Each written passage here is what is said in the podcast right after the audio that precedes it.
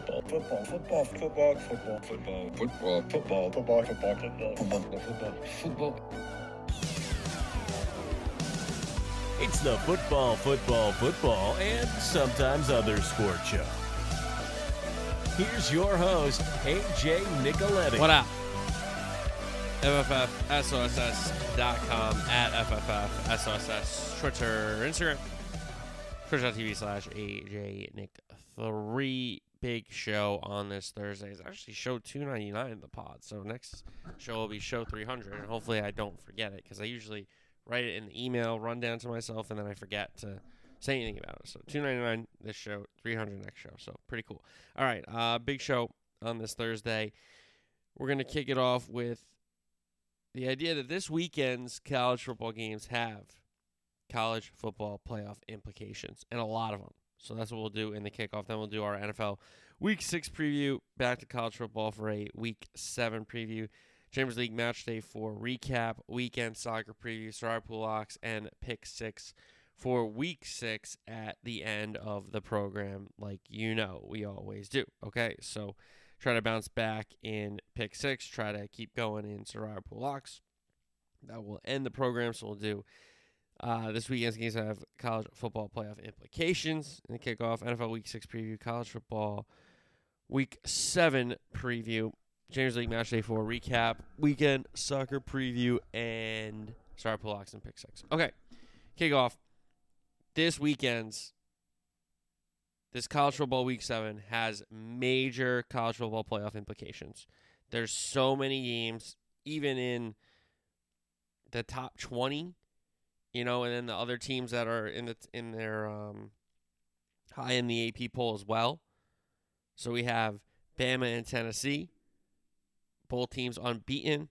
Both teams will get one of their one of these teams will get a loss. Penn State, Michigan, one of these teams will get a loss. One will control their own destiny because they both still have to play Ohio State. Okay, so the winner of Penn State, Michigan controls their own destiny to playoff. USC is unbeaten.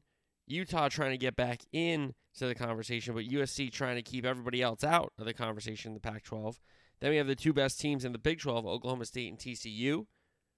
Can TCU ride the momentum um, that they've started early under Sonny Dykes this season? Oklahoma State follow up a win against Texas Tech. We have Georgia has an opportunity to pour it on against Vandy.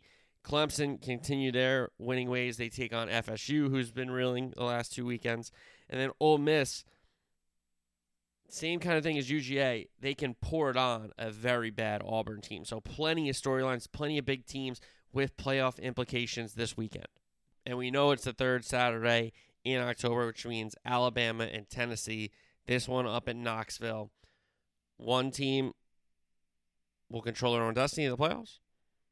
The other team will have a loss in the SEC and a loss on their record. The big storyline is Bryce Young healthy enough. We'll get into that when we preview the game itself. But this is more about Bama continuing to be the class of the SEC, especially that SEC West. Okay. And there's a big spot for Tennessee, who's unbeaten, to pick off Alabama and really, really kickstart that vol year. Now, Penn State and Michigan, again, similar situation because both unbeaten, both still have to play Ohio State, as we know. So, Penn State, Michigan, the winner of this game, controls their path to the playoff. If they win out and beat Ohio State, they should be in the Big Ten title game. And if they win that game, they're probably in the playoff. So Penn State, Michigan, one team controls their own destiny.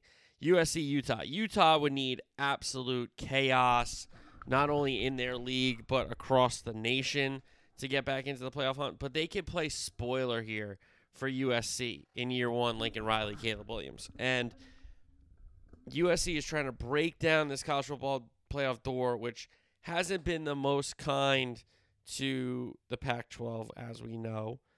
Um, but USC is really good. UCLA is really good. Um, Oregon seems to be good after their week one loss to Georgia, where they got creamed. Okay, in Atlanta. But between USC, UCLA, Oregon, and even Utah, Pac 12 has some good teams, and USC gets a big test against the Utah program. Oklahoma State, TCU, probably the two best teams in the Big 12 if we think about it right now, because Oklahoma is in a tough spot. Texas just got their quarterback back, but unfortunately, they're going to have to make up some losses from earlier in the season. Not so much the Bama loss, but the other losses. Um, two good quarterbacks here, Sanders and Duggan. So I'm excited to watch that one. And then again, that team that wins that one controls their own destiny. As far as Big 12, maybe not playoff implications because the playoff again hasn't been kind of the Pac 12, hasn't been the kindest of the Big 12 either. I know we've gotten Oklahoma in there a couple times, but there have been some snubs, as we know, year one, right? Georgia poured on opportunity against Vandy, get some style points, get ready for the stretch run of their season. Clemson coming off the Wake game, coming off the NC State game. Now they went up to BC and crushed BC, but now Florida State, a big rival. And they've kind of taken Florida State's conference over in football. This was Florida State's conference for a little bit there when Jimbo was there. But now Clemson is really taken from them. And crowns of Clemson. Ole Miss, same kind of thing as UGA. Pour it on against a bad team in your league. Auburn is not a good team. Ole Miss might not be a top 10 team. You know, they're certainly a top 25 team. They're probably a top 15 team. I wonder if they're a top 10 team. But they have the opportunity to keep proving it in that league. That's for sure, as we know. So I um I think it's a gigantic week for the sport. When Tennessee's good and Bama's good, that's such a great matchup. You know, the crimson red versus that volunteer orange, right? Penn State, Michigan, that's a gigantic game. A gigantic game. It's a it's a shame that game's at noon. That would have been a great under the lights game. USC Utah is a gigantic game in the Pac 12. Oklahoma State TCU is the best game so far of the Big 12 season. We got some other ranked teams against unranked teams that can make statements of their own. You know, if Clemson puts it on Florida State, that's a big statement. Big statement. So, a lot of great games this weekend in college football. There's another two uh, ranked matchups: Mississippi State, Kentucky, and NC State against an unranked, uh, unbeaten Syracuse team. But I don't necessarily know if they have playoff implications. Kentucky already has a loss. Mississippi State already has a loss. And maybe those teams can play spoiler, but they're not it, play spoiler and get in. They're just kind of play spoiler. So some major, major games with major, major implications for the college football playoff this weekend, the third Saturday in October, headlined by the matchup in the SEC in Knoxville, Bama and Tennessee, and the matchup in Ann Arbor, Penn State and Michigan, both top 10 matchups in college football this Saturday. Going to be really exciting. So hopefully, you know, you're not doing anything crazy this weekend and you can get to your TV on Saturday because that noon game between Penn State and Michigan is a great game, and then parlay it into 3:30 with Bama Tennessee. Holy, that's what I'm going to be doing on Saturday. That's for sure. That is for sure. All right, um, let's get it. Let's go from the student athletes. Usually we go pros to student athletes after we do our NFL preview or NFL recap into college football preview, college football recap. Well, we're gonna do college football, NFL, back to college football. So from our first college football segment to our first our NFL segment. We have many NFL segments here with pick six and star pull locks at the end of the program. But now we're just arguing semantics. Anyway, NFL week six preview. We have arrived at bye season. And it's really interesting to me that they're not giving the teams that came back from London their bye. I didn't notice that until like maybe I was previewing the the game the first week after the London game. And I was like, wait a second, why is nobody on the bye? You know? But hey, they changed it. So we have Detroit, Houston, Las Vegas, and the Tennessee Titans on the bye. So two AFC South teams there. Washington and Chicago gets us started in this week six on Thursday night. I mean, this is a bad game. I think everybody knows it's a bad game. It could be worse than last Thursday. That's for sure. Like, and you're thinking, there's no way. How could it be worse than last Thursday? Last Thursday was one of the worst games ever played in the history of the sport. You're right. And this could be worse. Because Carson Wentz is a walking turnover. He's a terrible quarterback. And the idea that how many people now have turned their franchise over to Carson Wentz is insane to me. But here we are again. And it's Carson Wentz and the Commanders who stink and aren't healthy, to be fair to them on their defense, right? Against the Bears, who I don't, I'm not sold one way or the other on Fields. I don't think it's really fair to judge him when he doesn't really have great skill players or even good skill players, to be honest, and not a solid enough offensive line. So he's not really been put in a position to succeed. So I don't really hold it against him. Now, does he make some plays with his feet? Does he have a live arm? For sure. And I think those are things we saw at Ohio State, right? But can they translate to the league? I'm not sure because I don't love his skill position guys, and I certainly don't love the situation in front of him with his offensive line, trying to save him from the other teams that the other team that's battling in the trenches, right? So I'll take Chicago here. I think better defense, even though Washington does have a great defensive line, but they're not all there. They're not healthy. We know Chase Young is still out. I'll take Chicago at home, short week. Commanders stink. At least the Bears fight. You know, at least the Bears show some fight last week against Minnesota. They were down 21 3, if I'm not mistaken, and fought back. So, took a lead 22 21. So, I'll take the Bears at home. I don't think much into this game. I'm not touching this game for any, any reason, really, to be honest. And I just don't think the Commanders are that good. I didn't think they were that good last year. And now you add a guy at quarterback who I think is detrimental to your franchise having success. He is a cog in the wheel that won't turn. Okay? So I'll take Chicago at home. Minnesota and Miami up next on Sunday. No Tua again for Miami. I don't think it's even Teddy Bridgewater, to be honest. So it could be the rookie against Skylar Thompson which makes me worry for Miami because I don't think Minnesota's that good of a team. Another quarterback that I don't like, um, a defense that I'm not 100% sold on, a running game that has talent in Cook and Madison, but Cook always gets hurt. You're just kind of waiting for him to get hurt, to be honest. You know, and, and Jefferson is a great player. He might be the best receiver in the league. Thielen's good.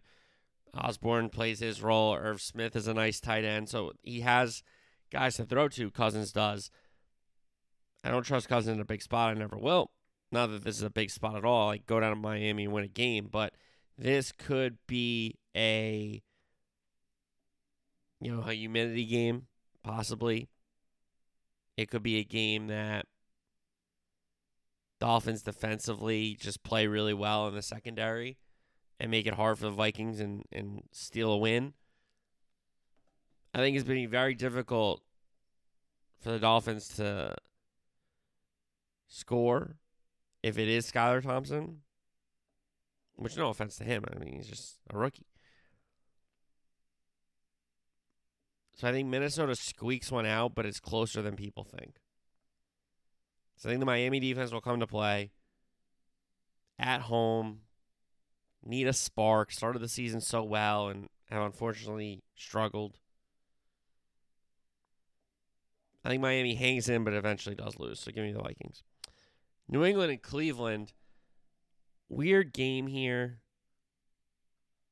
Browns have been in some tight games. I like them in this game for some reason. I think just Chubb and Hunt will be too much. Brissett against one of his former teams. I like Chubb and Hunt to get it going on the ground. I don't think the New England Patriots will play a game like they did the week before where almost everything went right for them and they still had too many field goals early in that game. You know, it's 6 nothing there for a while and I think 13 nothing as well if I'm not mistaken. Um, and the Lions just did everything wrong and the Patriots did a lot of right things for sure, but they got gifted that game and they still didn't really put it away until later. So I'll say this. I think New England will hang around because defensively they'll be all right and ready for Brissett and at least have a game plan against the running game of Chubb and Hunt. But I think Cleveland wins the game. I think the Zappe stuff's a nice story, but I think Cleveland wins the game. San Francisco, Atlanta. Um,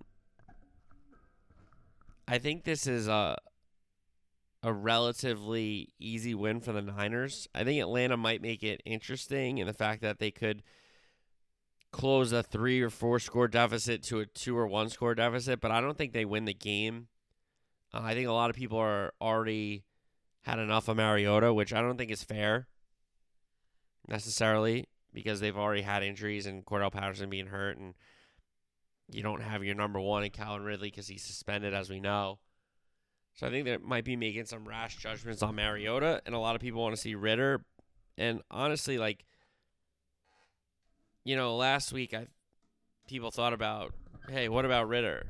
You know, like you're gonna unleash him on, you know, make him come out and play now.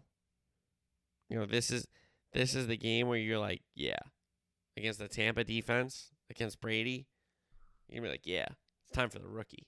Rookie's time. Take over, dude. I don't know. I don't think that's fair to him. And honestly, I don't think he's ready, which isn't a knock. But I'll take San Francisco here to get the roadie.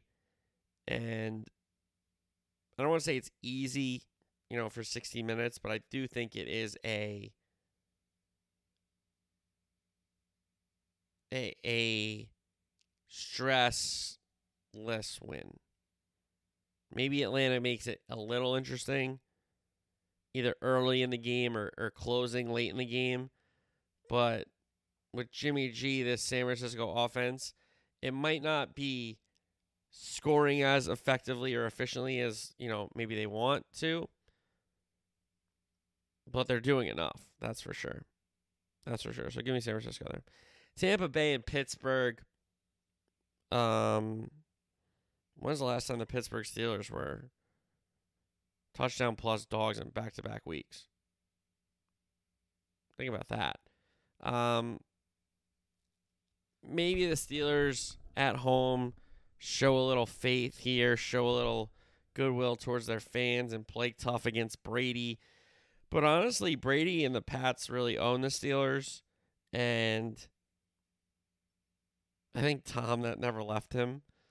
So this could get ugly, especially if the Bucs want to put in like a 60 minute performance because they didn't last week. They let the Falcons back into that game, and obviously the Bucs benefit from a call.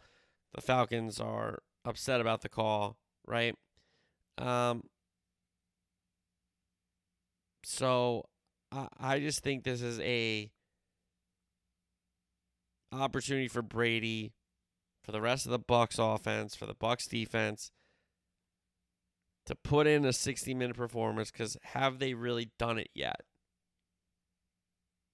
All 60 minutes, I'm saying. This is certainly an opportunity for them to do it. It's going to be Tampa there. Cincinnati, New Orleans. This is a weird game. Two, two, and three teams. Obviously, Cincinnati had more expectations. Um, New Orleans, not so much. Jameis back at practice for the Saints could be very big. Um, for me, they got to have him in there. Like, Dalton's a nice story. I think everybody knows Dalton's a nice story. You know, get another opportunity. But it's Jameis's team. For them to succeed, he needs to be the guy, which is crazy to say out loud, but it is true. Uh, nonetheless, so New Orleans, if it's Winston, I think they have a better chance. If it's Dalton, I think they'll have to do more and more um, Wildcat stuff with Taysom Hill. They'll have to rely on their defense more. So I think it's going to be a Cincinnati road win. I like Burrow and Chase going back down to the Bayou where they've had so much success and such a connection to that area since their time at LSU, obviously, winning the Natty. I think this is a Cincinnati, they squeak it out. Tight, close game.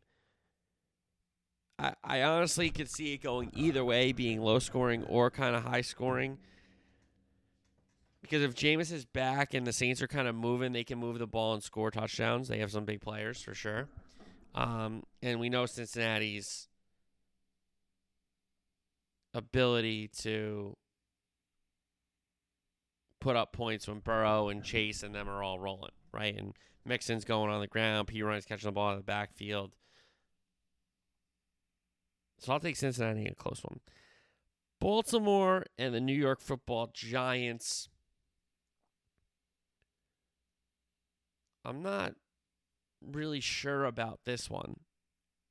I think it could be a high scoring game that I think the Giants are in it, but just don't win it. Uh, either that, I, I don't see the Giants winning the game just because they're going to have to deal with Lamar, and I don't think they can deal with Lamar. I think Lamar might have a, a big day on Sunday against the Giants. But that doesn't mean like Jones and company won't score. You know what I mean? So I think it's a game that the Giants are in and the Ravens pull away. I think that's kind of the game flow I'm thinking of when I'm thinking about this game. It's maybe a couple scores early, you know, Ravens a couple touchdowns, Giants a touchdown and a field goal kind of a thing. And then Ravens just too much in the second half. He keeps finding Andrews. You know, he's running the ball effectively. And listen, the Giants are a live dog here for sure. I don't know if they're like a legitimate four and one. I don't know, you know. But you know what I mean? Like I think they're not some slouch team. I think they've moved on from that tier. From slouch to to at least, you know, you're gonna get a game. But I do think Baltimore is just in a better position to stack a couple wins here now. I think they've taken a couple lumps. You know, they survived the fourth down thing at home after blowing it the week before. I just think this is a Ravens pull away win. Lamar, third quarter into fourth quarter, kind of takes over. I think that's what's going to happen. Give me the Ravens. Jets Packers. If they're the Packers need a turnaround bad. Packers need an old fashioned Rodgers three four touchdown game where they're clicking. Um, you know Jones and Dillon get a touchdown. You know what I mean? So that's the kind of game the Packers need. The Jets are gonna score. You know, even if they're gonna lose the game, even if they're throwing picks or, or fumbling, the Jets are gonna get some points. Um, Wilson's looked pretty good. I like a lot of things I've seen from him. I think Berrios is a nice player.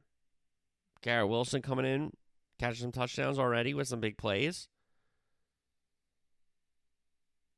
The two young backs have looked good.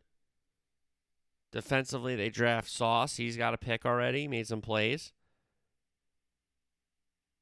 So I'll say this about the Jets. I think the Jets are a live team here. But if the Packers want to do anything, you got to beat the Jets at Lambeau convincingly. Don't let them hang around. Don't let them stay in the game. Yeah, maybe they get their 17 or, or 21 points, but you get 40. You know what I mean? So Packers have to play better. Have to. I think it starts with the run game, to be honest. I really do. Jacksonville and Indianapolis. Indy coming off the little mini bye after their Thursday night comeback win against the Broncos that honestly they have no right winning. It, I mean Denver just run the ball in or get a touchdown. There's no way Indy scoring a touchdown and another score to tie you, right? So that was horrendous. And I really still don't think Indy's good. Five quarterbacks, five years. Um, another guy in Reich that loves to go for it in, in the wrong situation. Defensively, yeah, they have Leonard, Buckner on the on the line. They have some pieces. Offensively, I really don't love their weapons. I know Pittman's trying to establish himself as a top receiver in this league.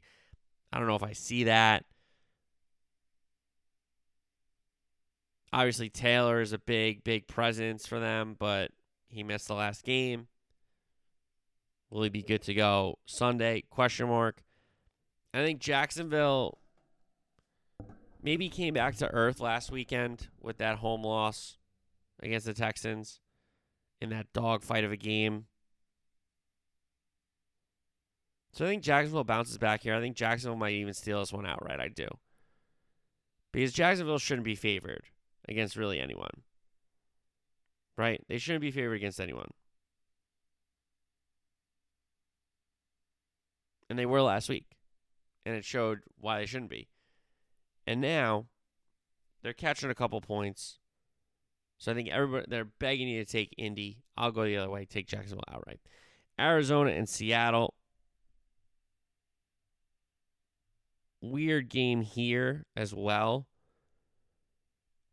I think they're begging you to take Arizona. I'm going to walk into this trap. Like the trap I just walked out of with Indy, I'm going to walk into this one at Arizona because at some point, Seattle has to be a bad team. At some point, the carriage turns back into a pumpkin for Geno Smith. Okay? Because he's not that good. He's simply not. Simply not that good. So, I think for Arizona, at some point you got to wake up, especially in the first halves, and stop playing from behind every game and actually like make some good decisions. So I'll take Arizona here slightly. Like I think Arizona squeaks out of Seattle with a win and like gets on the planes thinking, "Oh my god, how the hell do we get out of here with that?" Honestly, that's what I'm telling you. So give me Arizona there. Carolina and the Los Angeles Rams. Wilkes is the intern for the fired Matt Rhule. Going to be PJ Walker. Bake is hurt. Sam Darnold not ready yet, so it's PJ Walker at a Temple. Shout out Elizabeth, New Jersey. Shout out Dallas. My spot, Elmore Avenue, if you're familiar. It's a great, great deli. Tell them I sent you. That's not even an ad. So, um, what stops this game from getting ugly? I don't know. I think the Rams have a bounce back offensively against after playing against the Cowboy defense. The Cowboy defense was awesome. And the Panther defense is not the Cowboy defense. So I think Stafford jumps back with a better game. I think their running game with Akers gets on the mark. I think defensively, you know, Walker's a nice story. He can move a little bit with his legs, can make a couple throws here and there for sure, absolutely. But I don't know what stops this game from getting ugly. You say, well, AJ, the Rams offense. I, I think it's a bounce back spot for them. I do. I think it's a gigantic bounce back spot for the Rams offense. And yeah, Carolina will be fired up to play for the interim. That's how it works, right? It goes like that. But I don't think that matters here. I think it's a big spot for LA. Get right game for LA. Buffalo, Kansas City, game of the weekend in the NFL. If I didn't think that we had playoff implications in college football, we were going to do a deep dive into this Bills, Chiefs, Mahomes, Allen um, matchups, right? Chiefs catching points at home. You would have never thought that, but that's how good this Bills team has been. They've addressed some of their issues, especially with Von Miller. And that pass rush, yeah, they're a little banged up. We know that. But the depth has shown it's shown through. And you got to give the Bills credit. You know, McDermott and that front office of putting that 53 man roster together. Got to give them credit. I think we get the high scoring game that we're looking for here. Um, the Bills' offense has been big play when sometimes they need it. You know, as we saw with last week with the two touchdowns to Davis. They've also matriculated their way down the field plenty of times this season to punch the ball into the end zone, you know, after starting in their own end. So the Bills have shown a lot of great signs. I think the Chiefs have also shown some good signs of coming af- like out of the Tyreek Hill era because it, it was going to be different. It was always going to be different without Tyreek Hill. How do you replace that production? How do you replicate that speed? How do you try to recreate what you had with some of the things in your playbook, right? So you bring in Juju Smith Schuster, you bring in Valdes Scantling, kind of young vets. You draft Sky Moore. You give Hardman a bigger role. You bring in Pacheco to help out in the backfield at our Rutgers. I like a lot of things Kansas City's done. Um, I think defensively they're coming along. Now, I think this is a shootout and who has the ball last. And honestly, it could be a who has the ball last and then that team scores or throws a pet. You know what I mean? So I um I really, really think we get a high scoring game here. I think we get an exciting game. I think we get a game that we've been looking for to start this NFL season. There's been some good games here and there. But these are the two premier teams in the AFC. I said that to you on Tuesday's show in the kickoff. The Bills and the Chiefs are the class of the AFC. I think this game goes over, and I think I'm just going to lean towards Kansas City. The game's in their building. I'm just to lean KC. It's a lean. I don't know what the hell is to happen. I just hope it's high scoring. And it's an entertaining game that we're looking for. So that's the big game in the 425 window. So that means we go to Sunday night and it's Dallas and it's Philly. And it still looks like it's Cooper Rush for the Cowboys, which I'm completely okay with. I do not want to rush Dak Prescott back one down, one passing attempt. So I don't think the Cowboys win this game. I think the Eagles do remain unbeaten. But I'll tell you this Eagles better win the game. Because if the Eagles don't win this game, and the Eagles lose to Cooper Rush, and the Cowboys without their star quarterback, Dak Prescott, and then they come down to Dallas when Dak's back, look out. So that's all I'm going to tell you. If you're an Eagle fan, and you're listening to this right now, you're like, AJ, I, I, I can hear the smirk through the microphone. You're right. There's a little smirk here, for sure. Because the Eagle fans have been running their mouths, and rightly so. They look like a good team. You know, unbeaten. You know, the last unbeaten team. They got a great rushing attack, we know. Defense is coming along. Hurts is developing. They bring in A.J. Brown. Big expectations. They've come through so far. That's for sure. But you better be Cooper Rush in your building on Sunday night. And if you don't, oh boy. Oh, that's all I'm gonna say. Oh boy. And listen, this is a this is a game again that the Cowboy defense has to win. Like they just did in LA. They started off really good in that game, defense, special teams, and even honestly, like offensively, they weren't poor, but they really woke up after Cooper Kupp went 75 yards, right? So I'll say this about this game. I think the Eagles win the game. Eagles should win the game, and the Eagles better win the game. Because if they don't, that's trouble. Because this Cowboy team, though the defense is incredible. Special teams has been pretty solid. Maher's only missed one kick that I think can think of. So he's been pretty solid. They're finding ways to win games. Cooper Rush isn't, you know, making the mistake to kill them. You know, they're punting when they have to. And they're kind of treading water until Dak gets back. And even if they lose this game, I think they have uh, Chicago, Detroit, or Minnesota, Detroit coming up. Winnable games, even without Dak. So it wouldn't be the biggest deal for the Cowboys to lose this game. I don't think, you know, I don't think a lot of people are picking them to win this game. I think they're a touchdown underdog, if I'm not mistaken.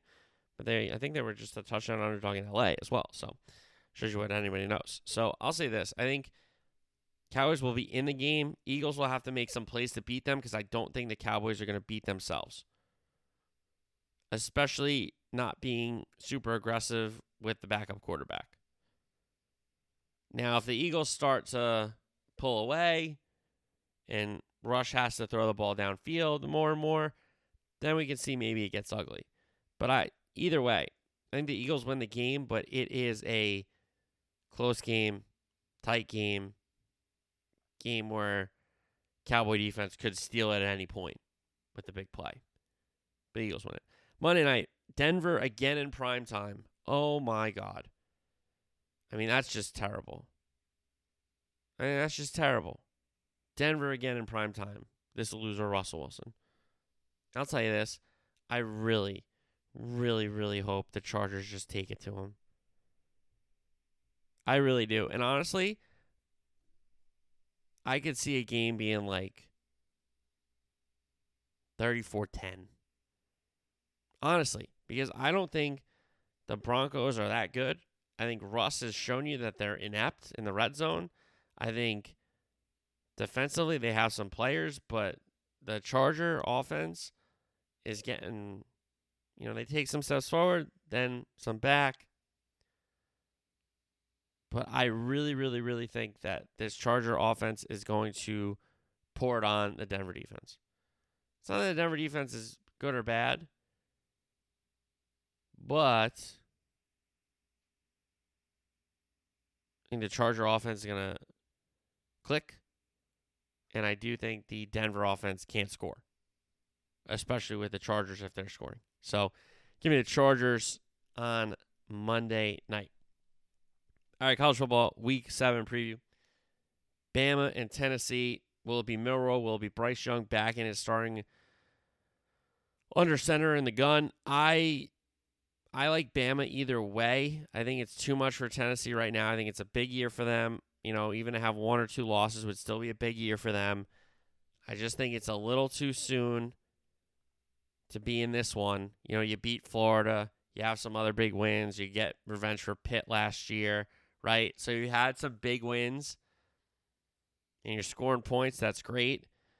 But Will Anderson could wreck this game entirely. And that could be the difference. Honestly. You know, if Bryce Young plays, I think they win it going away because that shows me that Nick thinks he has the confidence in Bryce to throw the ball around the field still. Because if he doesn't, if he can't throw the ball around the field, I don't think he's going to come back because he understands what he needs him for. Um, but Milroe, he gives you an interesting dynamic, but he's just going to run. He's just going to take off. If it's not first read, second read, like I don't think he's got to a third read once in all these snaps to be honest. So uh, if it's Milroe, I think Bama still wins, but it's closer and maybe more exciting.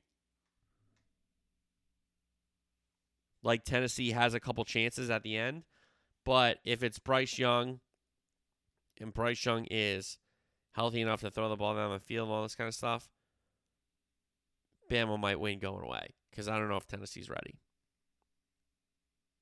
But hopefully we get a good one. Penn State and Michigan. This three headed kind of monster for Michigan and McCarthy and Corum and Bell as the wide receiver has shown a lot of good signs for the Wolverine offense in, in Harbaugh. Defensively, haven't really been tested that much by a great offense yet, or even a good one. But Penn State with Clifford, veteran, been there, been in some big games. I do think Penn State is going to give them a game. Um, but I just think this Michigan team is kind of different. And they started being different last year after that loss to Michigan State. They really had to turn it up. And I think that kind of continues into this year. And yes, Penn State, nobody's talked about them. They're undefeated. They're in the top 10.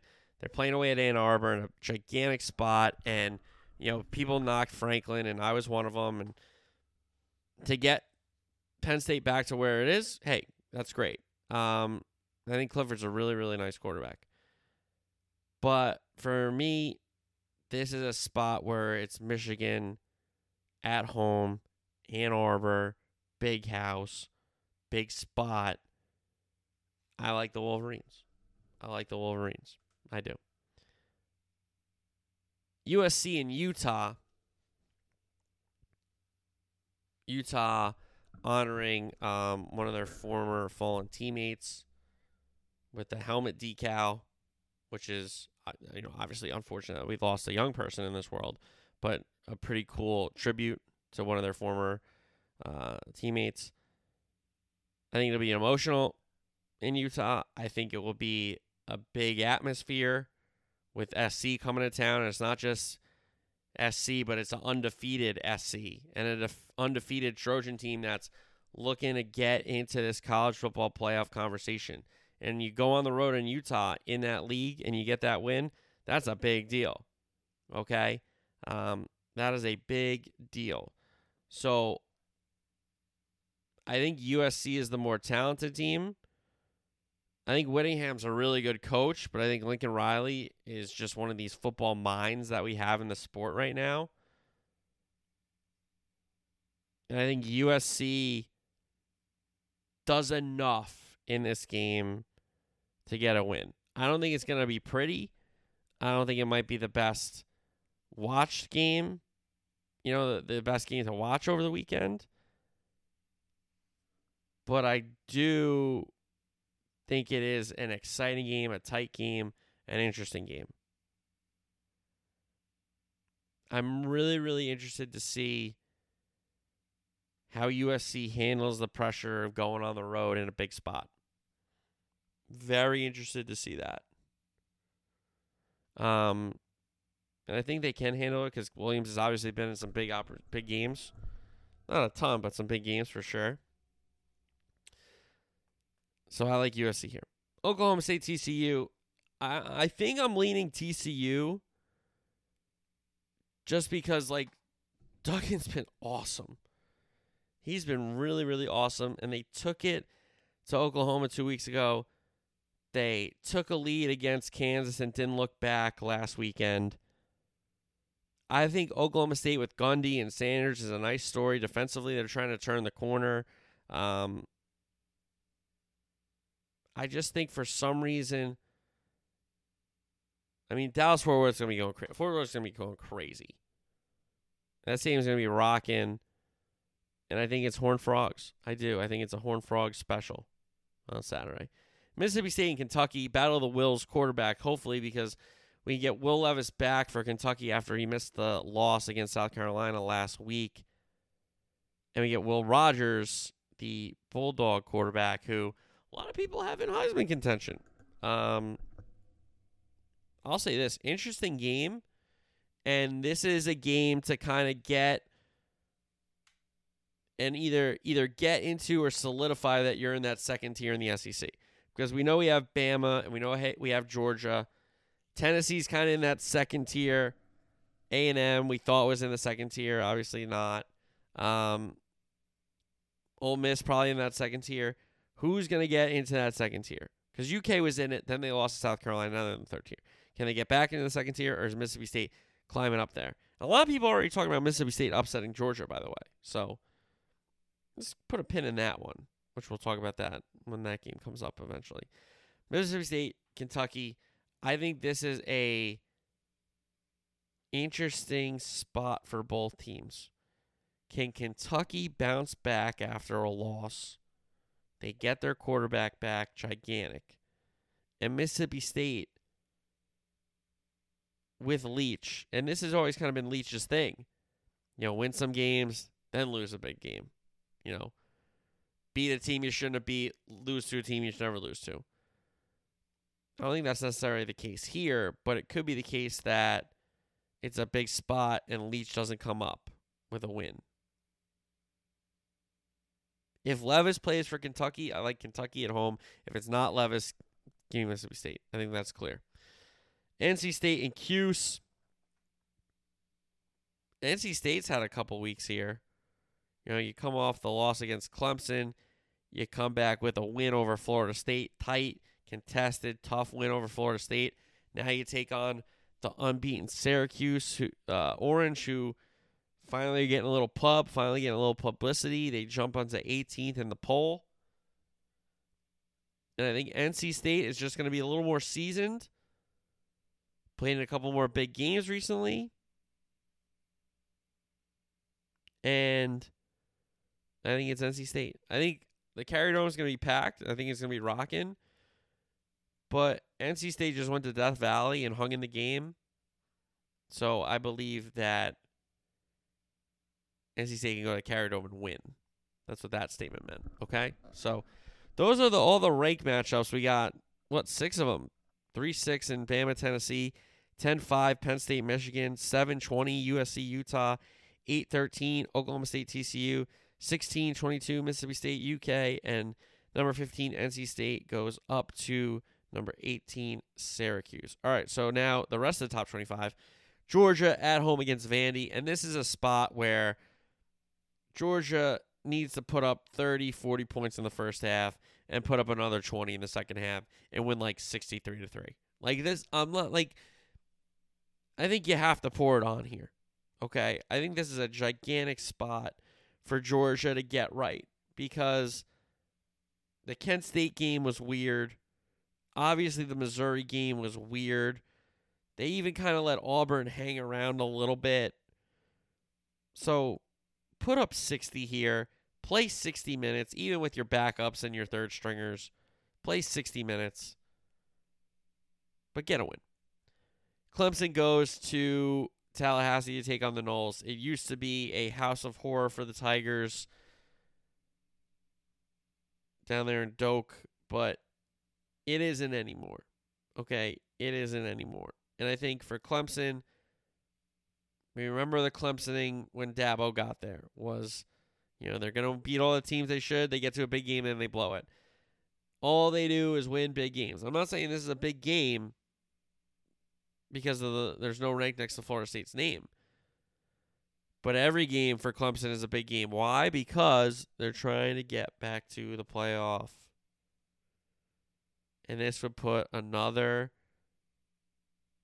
check mark on the clipboard of their schedule. So give me Clemson. Auburn and Ole Miss. Um, if Auburn was ever going to have a time to show up and fight in the game, it'd be interesting if it was against Lane Kiffin's Ole Miss squad. But I do expect Ole Miss to really pour it on here. We could get um, a big game from the back. We could get a big game from Jackson Dart. Big game from that Ole Miss defense because Auburn can't do much offensively. So it's a it's a spot for Ole Miss to run it up, just like it's a spot for Georgia to run it up. Kansas stayed at 19 after the loss to TCU, if I'm not mistaken. They take on Oklahoma. Oklahoma's favored in Norman, and if Kansas ever beat Oklahoma, you you just already put this season in the Hall of Fame for Kansas, and it kind of already is. It's probably the best. If Kansas even went on to lose every single game after this, it would still be like one of the greatest seasons in Kansas football history, which I guess isn't saying much. If they're bowl eligible, it's one of the greatest seasons in Kansas football history. But Oklahoma, if there's ever a time to get off the mat, you got a team that thinks they're better than you coming to your place. I mean, beat the crap out of them, right? They need Gabriel back in the worst way. That's for sure. If you didn't think he was important to the Oklahoma team, I told like watch the game against Texas. Speaking of Texas, they host Iowa State. Iowa State just scored nine points against Kansas State and had a 9 7 lead and blew the game. Uh, I don't know how you can do that, but they did it. Kansas State scored a touchdown. Um, then Texas or sorry, Iowa State scored three field goals, and then Kansas State got a field goal. Texas with ears back, hours ears E W E R S. I forget how they say it. I'm sorry. He was playing good in the Bama game until he got hurt, as we know. Um, won the job. Now back in the lineup. They looked good against Oklahoma last week. I think they will look good against Iowa State. Minnesota and Illinois. Uh, I think both teams aren't that great. I know Illinois is going to be like, "Hey, we beat Wisconsin. We beat. We went to Madison, and won there. We, you know, we've won all these games. The Big Ten." Illinois, nice story with Bielema being back in the Big Ten. Um, but I think they're certainly pick offable, and Minnesota might pick them off. Then we have James Madison. The Dukes come in at 25. They score, um, and they're taking on Georgia Southern. And you know, you hopefully they're not reading their press clippings and they find a way to get a win there. All right, uh, to the footy Champions League match day four, Group A, Napoli, Ajax. Napoli win four two. They've qualified for the knockout stage. Chucky Lozano, Raspadori, Klaassen got one back for Ajax. The Georgian Kravashkasheli, uh, Bergwijn made it 3 2, but then Osimhen made it 4 2 Napoli. Rangers, Liverpool. Rangers actually scored first, but Liverpool went on to win 7 1. Bobby Firmino equalizer off a set piece. Bobby Firmino double to give Liverpool the lead. Then he assisted Darwin Nunez's goal. On comes Mohamed Salah to get the fastest ever recorded hat trick in Champions League history. I believe six minutes, 18 seconds, um, uh, if I'm not mistaken. Coming off the bench and then scoring three goals like that. And then Harvey Elliott added one as well. So Liverpool, nine points. And after the doomsday that was declared of Liverpool after match day one of losing to Napoli and being like, well, now they have to play Ajax and Rangers twice and then Napoli.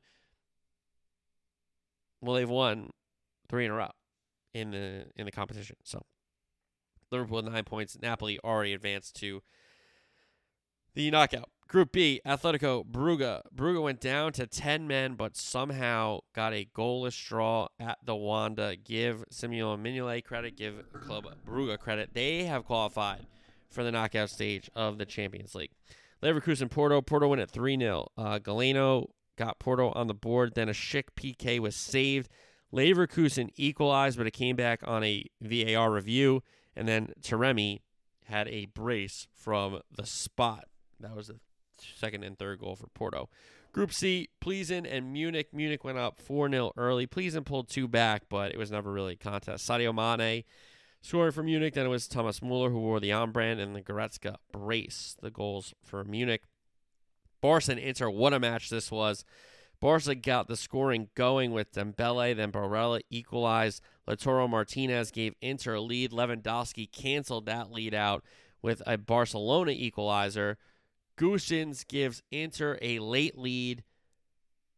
Lewandowski equalizes again for Barca, and then Inter have another chance to win the match, um, and they flubbed it. They had a tap in. If they pass it across goal, they did not pass, and it remained 3 3. So Barca now need Inter to not get a result against Plzen at the San Siro if they have any hope. Because Barca need to beat Munich and beat Plzen, but they also need some help from Plzen to beat Inter or at least get a result. Group D, Sporting and Marseille. Marseille win at 2 0. Esgaio had two yellows. It was basically back to back yellows, like one for the foul, one for arguing, sent off Sia. Guendouzi um, converted the PK. Then Alexis Sanchez got Marseille's second. And then Goncalves, Goncalves, Goncalves, he got two yellows as well, sent off. So Sporting were down to nine men. Marseille get the win there. Tottenham, Frankfurt. Frankfurt scored first. Hummingstone equalized. Kane from the spot gave Tottenham lead. Kane to Son for his brace. So it was 3 1 Tottenham in cruise control. Two yellows for Tuta. He got sent off for Frankfurt. Um, they got another goal back, and Kane had a PK to put it away, but it got saved. So luckily, Tottenham do not get equalized on and get the three points. They're in control of Group D. Group E, AC Milan, Chelsea at the San Siro. Chelsea went at 2 0. Tomori was unfortunately sent off. Jorginho converted that penalty, and Aubameyang scored for Chelsea. Obama who? Zagreb and Red Bull Salzburg. That one finished 1 1. Group F, Donetsk and Real Madrid. Donetsk was on the verge of one of the all time results in this competition. They scored first until an Antonio Rudiger equalizer where he gave it all and got knocked out. And I'm shocked there's no bone damage to him. It doesn't make any sense how there's no bone damage to him. Uh, it doesn't make any sense that he doesn't have a concussion and he could still possibly play in El Clasico this weekend. But here we are. Um, Rudiger stoppage time equalizer, and it's finishes 1 1 in Poland, where Donetsk are playing their home games in the Champions League. Celtic, Red Bull Leipzig. Rebel Leipzig win it 2 0, a Werner goal, and then Werner assisted Forsberg to get the insurance second. Group G, Copenhagen and City. Mahrez had a PK that he missed, and the new guy, Gomez, the new left back, was sent off. So City were down to 10. That's why they didn't score, and it finished nil nil. Dortmund and Sevilla. 1 1. Sevilla went up 1 0, and Jude Bellingham had an equalizer for Dortmund. Uh, him, Haaland, and Mbappe are the only teenagers to score in three straight matches, I believe, in the Champions League. Maybe four, even. Group H, PSG, Benfica, that finished 1 1. Mbappe had a PK, and then João Mario had a PK to level it after Verratti committed a foul in the box. PSG also had a chances to win it late, but they did not. And then maybe the shocker of match day four in Israel, Israel, Israel, Maccabi, Juventus, Maccabi 2, Juventus nil. A shocking, shocking result in Group H. All right, weekend soccer preview, EPL. Brentford and Brighton. Interesting match here. I expect a draw um, because Brighton had some of their best players taken away and their manager, and Brentford would love at least a point in this one, I think, personally, because Brighton's been playing well. Leicester City and Crystal Palace. Interesting match here. Can Leicester City climb their way out of the basement slowly but surely? Crystal Palace have shown in a lot of moments that they're in matches and have the ability to turn matches around. They have the ability with different personnel to play different formations and different styles. And Vieira usually picks the right one. You got to give him credit. He's done well as the manager. Uh, but now they go to the KP. Crystal Palace does. And Leicester are trying to build on some a good result, I guess you say. So we'll see what happens with Leicester Crystal Palace. Fulham and Bournemouth. Bournemouth needs to continue to get goals from Billing. I wonder if it will continue. Fulham really, really dependent on Mitrovic and then even De Cordova-Reid. To be fair to him, he's had a not, not a bad start. But if Mitrovic isn't scoring, it's it's trouble for Fulham usually. But I do think he'll get back on the score sheet. Wolves and Forest. This could be a six pointer that we look back on because Forest have started the season not well and Wolves have not either. Wolves sacked their manager. Um, you thought they would have sold Neves to kind of change the squad around, rotate the squad, but they did not. They kept him, which, hey, it, it could be good business if you go on to stay in the league. But if you get relegated and now you have to sell him for a cheaper rate because you know he's not going to play in the championship, like, hey, you know, what are we talking about here? At Molineux, I mean, Wolves need a big, big result as do Forest. So I could see you would want and you would love both teams to go for it and try to get the three points and give us an exciting game. But I could really see both teams kind of sitting back and taking a point each and moving on. Tottenham Everton. This could get ugly if Everton gets scored on early. Because Tottenham do have the pieces in a in a Kane, in a Son, in a Kulusevski, in a Richarlison to keep scoring because they do have really good link up play and they do provide good passes to each other and they do make the good runs. So if Everton get their armor pierced early with some chances, with some goals, this could get away from them very, very quickly. Very quickly. Villa and Chelsea. Villa need to score some goals and get some results. And it doesn't look like you're going to take on a Chelsea side who's found some results of their own in Graham Potter um, since he's come in. Interested to see who he brings in to the 11, Graham Potter, against Villa, and also interested to see what Steven Gerrard does. If he's going to set up to play, is he going to set up to sit back? Um, Crystal Palace and Villa's rosters are kind of similar, where they all have they both have pieces and players that can play different systems, different styles, different formations. So I would love to see that what Villa is going to do, and I also want to see who who Potter plays for Chelsea. Very interested to see that. Leeds and Arsenal. Arsenal coming off the win against Liverpool, as we know. Leeds have shown some really good moments, and I think Elland Road is going to be rocking. And if Leeds could ever score first or stay in the game, or if Arsenal scores Leeds equalizes really quickly, the ground is going to erupt. I think Arsenal are going to go to play and win the three points because they think they know they have to. They think they're in the title race, and why shouldn't they? They're in you know first top of the table. It is early, as we know, right? Um, but Leeds have really complained about teams coming to Elland Road and, and slowing it down and not wanting to play and all that kind of stuff. I don't think you're going to get that from Arsenal. I really don't. I really don't. So I think we get an exciting one there. Man U Newcastle. Here's a big test for Man U. Um, yeah, you go down one 0 to Goodis at Goodison to Everton, and you turn that around. Give you credit, sure. Now you welcome in a, a young, hungry team in Newcastle, a team that's spent money, a team that's upgraded in a lot of positions, a team that you know has attackers and still brings in a guy like Al- Isak. I like Newcastle here. I think Man U read a little bit of their press clippings.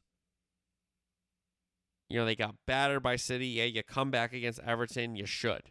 You know, you should come back against Everton. I think it's Newcastle though here. I do. I think it's an exciting game. Give me Newcastle. Southampton, West Ham. West Ham, similar to Leicester City, have to climb themselves up the table with results, with wins. I think Southampton is a team that you could say, hey, they're in trouble if they don't start getting more and more results. I just think it's a good opportunity for West Ham to find a way to get three points. And I think they do. And it all leads to the Sunday showdown Liverpool, Man City, and Anfield. And I'm not very optimistic as a Liverpool fan going into this one. Um, it could be an absolute drubbing if Liverpool get the system wrong, get the defense wrong, all that kind of stuff. Haaland could just run riot, which I am worried about. Um, but there is a little part of me that City know still that Liverpool can beat them. Liverpool have the players to beat them. Liverpool have the pedigree to beat them. And Anfield is one of the houses of horrors for away teams to go to. You know, especially in big games and big moments between two really good sides. Anfield could turn the tide. Um, but it won't turn the tide if it's Haaland brace inside the first 20 minutes. You know what I mean? So the longer the game is scoreless, obviously the better for Liverpool. The longer the game is in contention, the better for Liverpool because to keep the crowd in it. But if City ever creates some separation, it could get a lot uglier. You know, if they go up 2-0, it could get to 4 quickly. You know, if they if it's nil-nil for the longest time, I don't see it getting to like 4-1, 3-1, you know, like that kind of stuff. If anything 2-1 somebody wins, right? But if it's nil-nil for a really really long time, I love Liverpool's chances because then the doubt starts to set in City's mind. You know what I mean? If City come out and score, bing, bang, boom, you know, Haaland tap in, De Bruyne played it to him, back post, 1 0. They're like, okay, we can do this here. We can do this everywhere. We go around the uh, around the country, we go around Europe, we score goals. That's what we do. So if City start fast, there's only one result. But if Liverpool ever get a first goal, oh my God. That changes the dynamic of the game. Because, yes, we've seen City come back before, but they've come back against, like, West Ham. And I'm not knocking, I'm not trying to knock these clubs, you know. Who they play at the end of last season? Villa. You know, so I almost blacked that game out. Coutinho puts them up 2 0. So I think this is a It's a big spot for Liverpool, but it's a really big spot for City. Because obviously, you know, City passes the tests, but it seems like they have the same test in Liverpool, but also a new test in Arsenal, which will be interesting to see that that when, you know, Arteta takes on, you know, his guy in Pep, his mentor versus the student, right?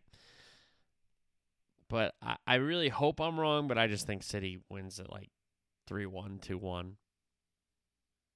It, it's it's going to be tough for Liverpool. They're missing guys. They're not in a great moment, but maybe you score seven away and you have a good plane ride home. I don't know. We'll see. But it's a it's a big one Sunday.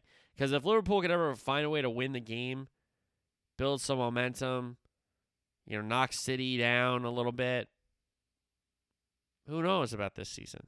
But we'll see. We'll see.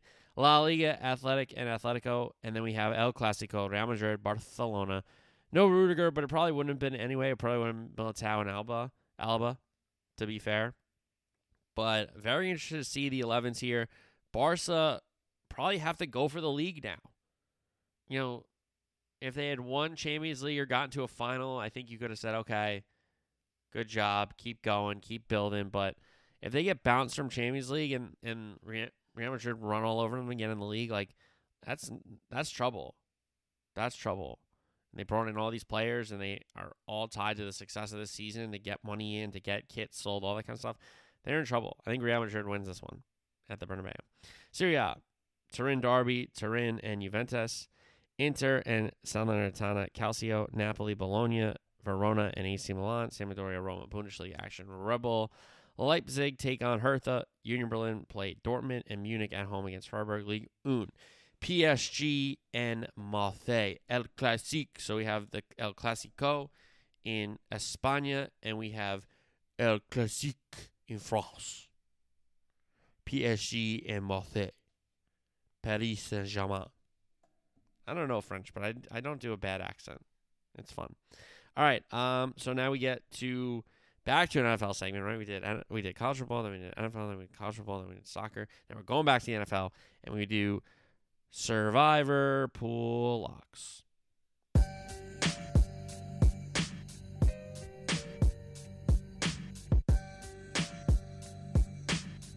All right, nine and six on the year. Not great. I don't like it, but let's try to get three wins here. And I think it's the three biggest point spreads, and I think it's three kind of obvious picks. And pick number one, Tampa at Pitt.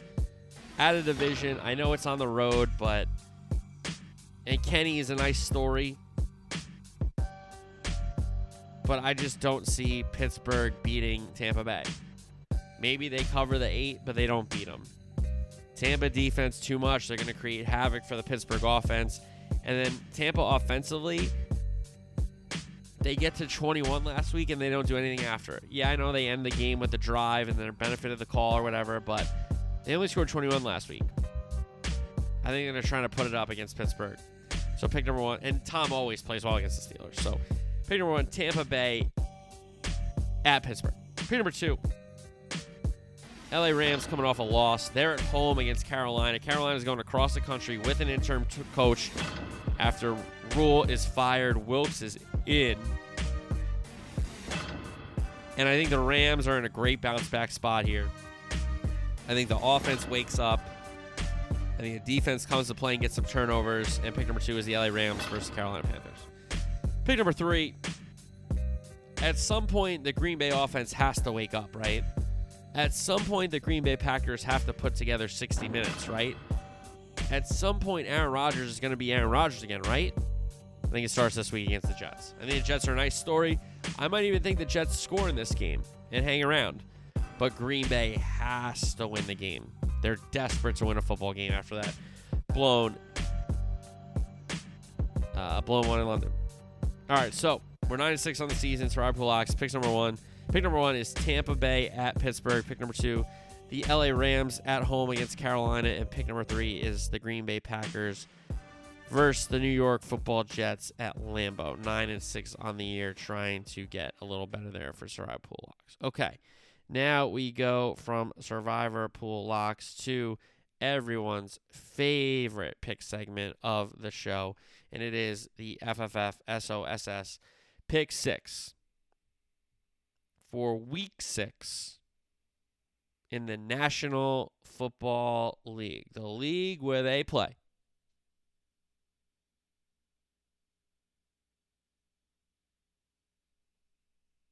For pay.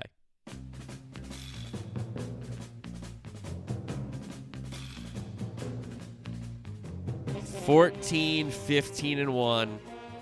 Not good. Not good enough. So we'll try to get better here. Pick number one. I think they're begging you to take Cleveland. And I'm going to walk into it. I'm walking into two of them like that. But the first one I'm walking into is Cleveland minus two at home against New England. I think, you know, Zappe's a nice story, but I don't like the New England offense without Mac in there developing. I think New England defense benefited a lot against the Lions team that just wanted to go for it, snap in and snap out, and just did not play well. So I think you're getting the, the Pats at a number here where it should be somewhere around five or six, in my opinion.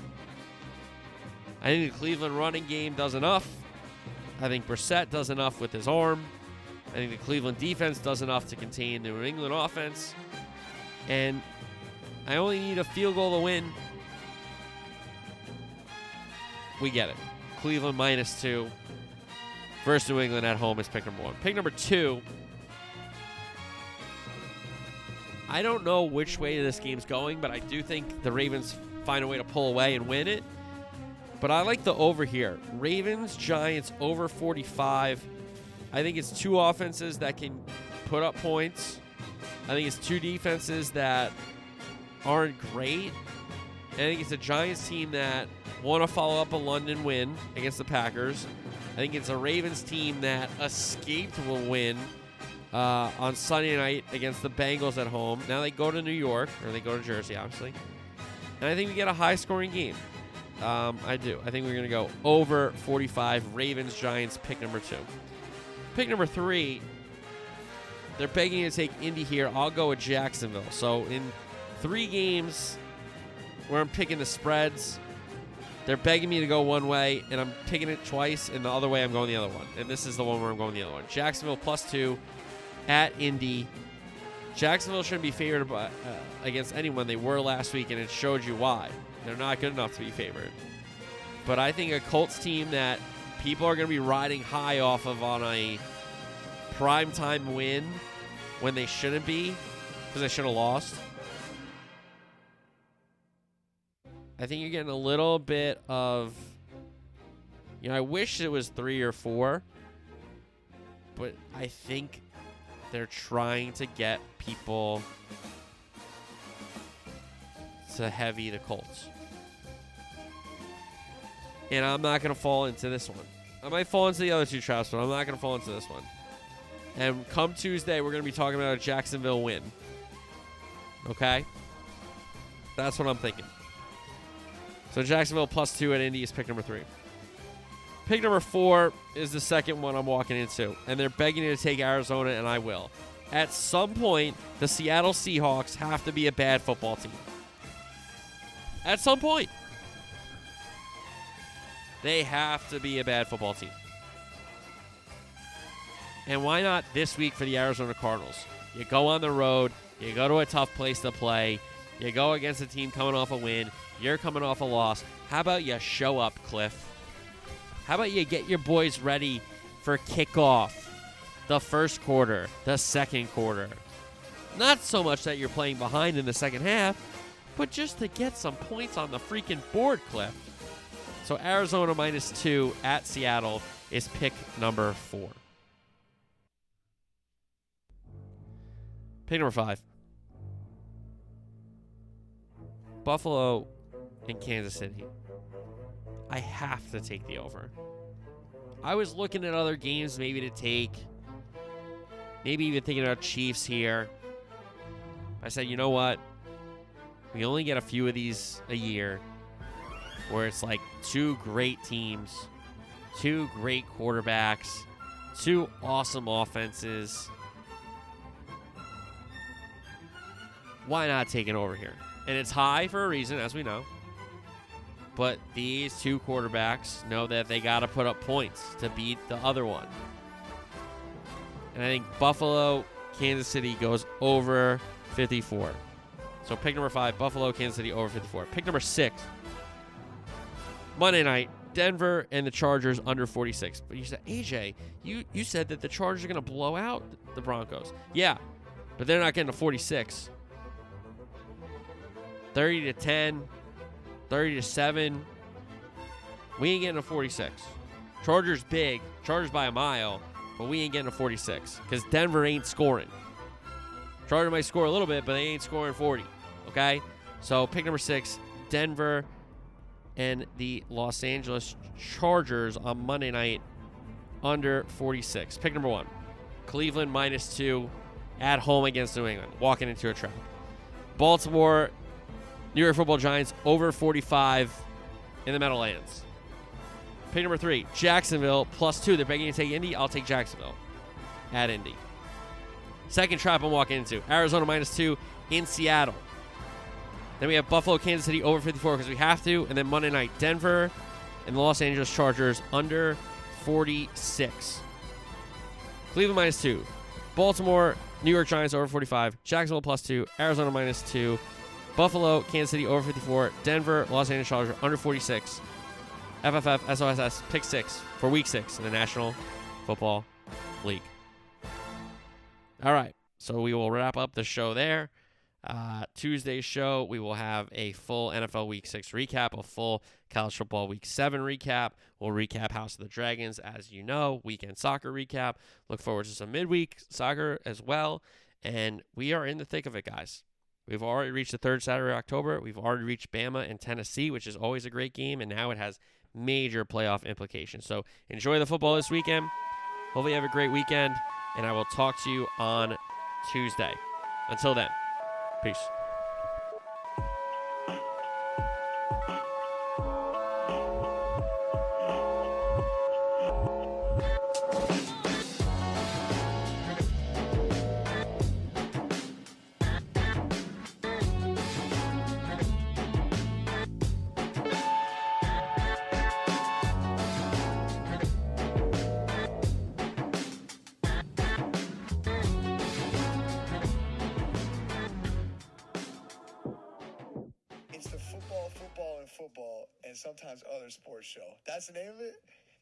Guys, check out his podcast.